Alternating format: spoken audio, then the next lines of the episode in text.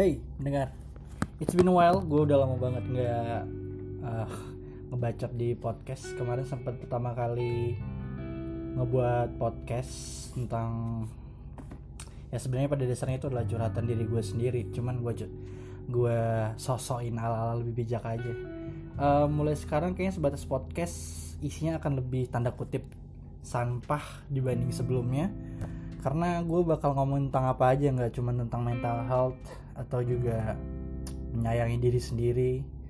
Karena gue rasa lu sendiri pun udah ngerti lah gimana pentingnya menyayangi diri sendiri. Gue lebih banyak bakalan curhat tentang gimana kehidupan gue dan apa yang gue pelajarin hari ini.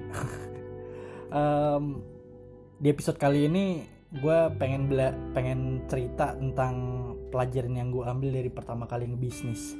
So for you who who doesn't know yet gue sekarang lagi bikin sebuah bisnis baru gitu. Namanya Sop Jawara. Dan sekarang alhamdulillah cabang pertamanya udah buka dan insya Allah ntar bulan depan bakalan buka cabang keduanya. Di sini di bisnis baru ini gue nggak cuma belajar tentang tentang game how to manage people atau juga how to manage the business, marketing and stuff. Tapi gue juga belajar men kalau misalnya lu tahu gak sih kalau selama ini uh, para penjual itu punya certain ways untuk uh, ngikat kresek. Anjir ini absurd banget sih, tapi gue belajar selama bisnis makanan ini ada cara gampang supaya driver-driver online drive online atau juga Gojek, GoFood, etc. Itu biar gampang. Ternyata itu lu kalau misalnya abis ngikat kresek tuh, itu abis lu ikat kan ada ujungnya tuh dua simpulnya. Nah itu lu gulung-gulung gitu men. Dan itu ternyata mempermudah mereka supaya uh, ikatannya nggak lepas. itu gue pelajarin dari bisnis sih. Itu rada absurd tapi somehow it works jadi setelah itu akhirnya gue sering pakai cara itu untuk ngikat atau ngebungkus makanan sop yang gue gue kirimkan atau dipesan lewat uh, driver online di Gojek dan GoFood. Eh Gojek dan GoFood maksud gue Gojek dan Grab. Dan dan gue juga banyak belajar kalau bisnis itu memang uh, the waiting games ya. Gue dulu pernah ikutan sama orang kerja sebagai translator dan kebetulan translatornya itu uh, adalah seorang sales consultant dan gue ngebantuin dia hampir 6 bulan. Jadi gue ngerti sedikit banyak tentang how to sell something dan menurut dia memang sales atau penjualan itu adalah waiting game waiting game dan juga counting game.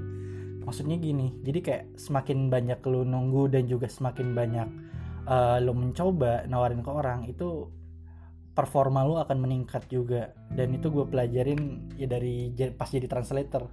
It's unexpected tapi uh, itu juga ngebantu gue lebih banyak belajar sih di dalam bisnis. Karena memang proses itu memang harus dihargain banget saat lo mulai bisnis.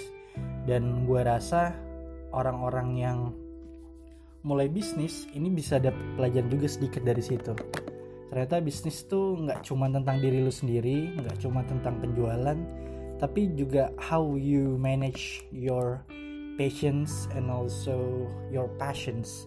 Jadi memang kesabaran lu diuji dan juga passion atau uh, rencana lu juga diuji di situ.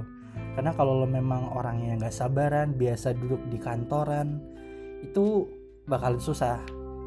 Dan gue ngerasain itu karena somehow gue juga ngerasa semacam culture shock deh. Yang sebelumnya gue biasa di kantor 9 to 5 atau ya in this case karena gue di ANC kadang sampai malam lembur. Di bisnis nggak kayak gitu. Lo harus kerja kayak quote unquote 24 jam. Karena yang lo harus pikir itu nggak cuma diri sendiri. Uh, kayak gimana ngegaji staff lo. Uh, juga ngebayar sewa tempat. Uh, dan pernak-pernik lainnya yang overhead gitu-gitu dan gue belajar banyak dari situ. Jadi hari ini mungkin poinnya itu kali ya. Menghargai proses dan juga living your expectation to the highest but lowering your expectation when it it is needed. Karena semakin lo berekspektasi somehow memang hasilnya nggak sesuai sama ekspektasi. Tapi di lain sisi kalau lo nurunin sampai ke dasar banget tanpa ekspektasi apa pun itu juga akan membuat lu jadi kehilangan purpose apalagi kalau mulai bisnis kayak gini. Makanya sekarang gue punya purpose baru kalau di bisnis ini gue nggak cuman ingin membuat diri gue sukses tapi somehow gue juga pengen staff gue juga bisa ikut sukses. I think that's me itu episode kedua sebatas podcast. Hopefully you can get or learn something from this and live a happy life. Bye